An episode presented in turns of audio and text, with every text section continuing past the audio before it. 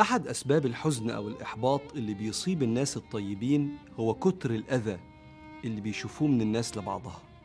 كم من الناس اللي بتتكلم على بعض وكم من الناس اللي بتسرق فلوس بعض وكم من الناس اللي بتستغل ضعف بعض أو بتظلم بعض عشان المصالح. والحقيقة أن في سنة من السنن التي قضى الله سبحانه وتعالى بحكمته أن يدار بها الكون اسمها سنة التدافع. سيظل هناك دائما خير وشر ظالم ومظلوم وبقائهم لحكمة ربنا. بسم الله الرحمن الرحيم. ولولا دفع الله الناس بعضهم ببعض لفسدت الأرض. ولكن الله ذو فضل على العالمين. كم الخيرات والخبرات. الناشئة من اجتهاد الإنسان لحماية نفسه وسعي الإنسان لتحسين نفسه حتى لا يستضعف كتير جدا والواقع بيشهد بكده. وانت إذا تعرضت لإيذاء وقدرت إنك أنت تحمي نفسك أو تاخد حقك من غير لا تعدي ولا ظلم بسم الله لا تتأخر. اقف للي بيضايقك أو يسلبك حقك بالأدب والقوة النبوية الرحيمة واحمي نفسك. لكن التحدي الأكبر في عجز الإنسان عن اخذه لحقه أو توقيف الأذى اللي بيحصل له. أو رغبة واعية مع وجود القدرة إن أنا آخد حقي في رغبة من جوايا على عدم الدخول في صراع. حفاظا على مصلحة أكبر من هذا الحق.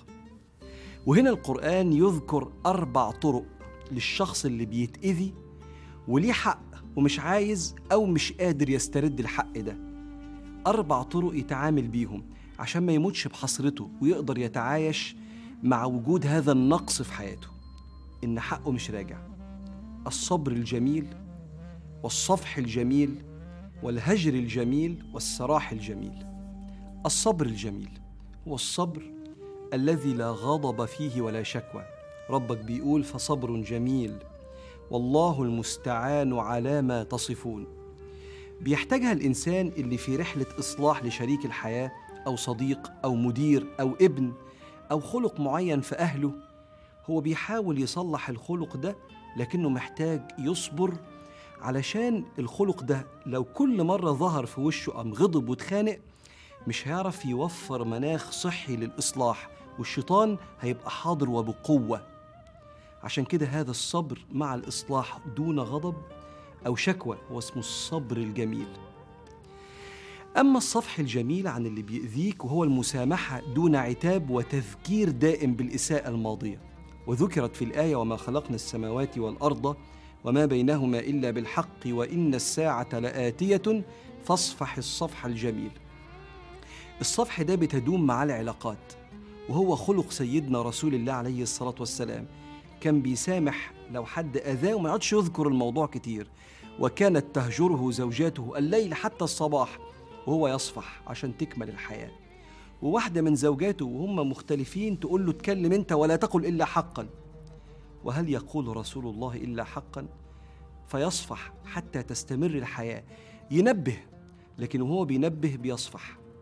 وإحنا محتاجينها جدا مع المقربين لأن الاحتكاكات الكتيرة بتعمل اختلافات دائمة وكلام ممكن ما يرضيش. فأنت تنبه على اللي بيضايقك ثم تصفح صفحا جميلا وما تجيبش تاريخ المشاكل في كل نقاش لأنك صفحت خلاص. وبالصفح الجميل تستمر العلاقات الطويلة. رقم ثلاثة الهجر الجميل. ربك بيقول واصبر على ما يقولون واهجرهم هجرا جميلا. الهجر الجميل في حقنا هو التراجع والبعد مع إبداء النية الدائمة في الإصلاح. أنا حزين على اللي إحنا وصلنا له في علاقتنا فأنا هبعد شوية. مش لغضبي ولا إني بايع ولا عايز أنتقم بس إحنا قربنا من بعض بيعمل مشاكل أكبر. وأنا مستعد أبقى جاهز وأشارك في أي وضع للصلح. وأنا لما أهجر الهجر الجميل مش هتكلم عليك في ظهرك. وأي حاجة هتطلع مني مهما وصلتك لا يمكن تضايقك ابدا لأن أنا أصيل وأنا بهجر. وأنا بفكرك الهجر الجميل ده بتعمله لما القرب بيزود المشاكل مع إبداء النية الدائمة في الإصلاح. ثم النوع الرابع هو السراح الجميل.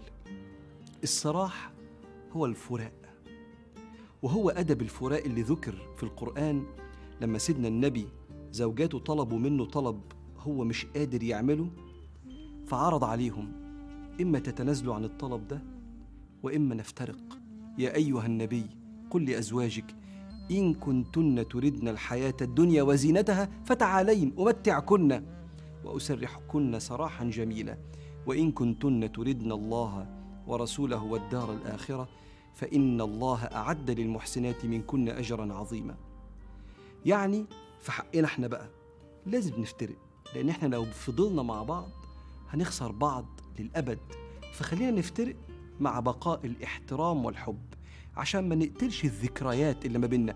الكلام ده على مستوى المتزوجين وعلى مستوى الأصحاب والمعارف وعلى مستوى الزملاء. وساعات ممكن تحصل لما الشركة تمشي إنسان وممكن دي تبقى أذية ليه. لكنه عايز يمشي وسمعته طيبة لأن ده طبعه. وعشان يحافظ على سمعته في المجال فيخلص المهمة اللي مطلوبة منه ويسلم عهدته بمنتهى الأمانة.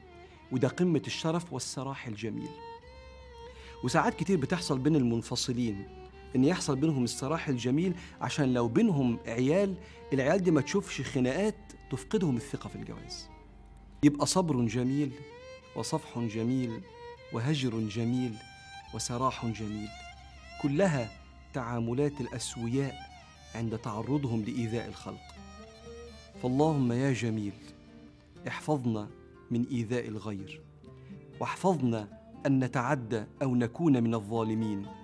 ومن علينا بالجمال في صبرنا وصفحنا وهجرنا. إنك نعم المولى ونعم النصير.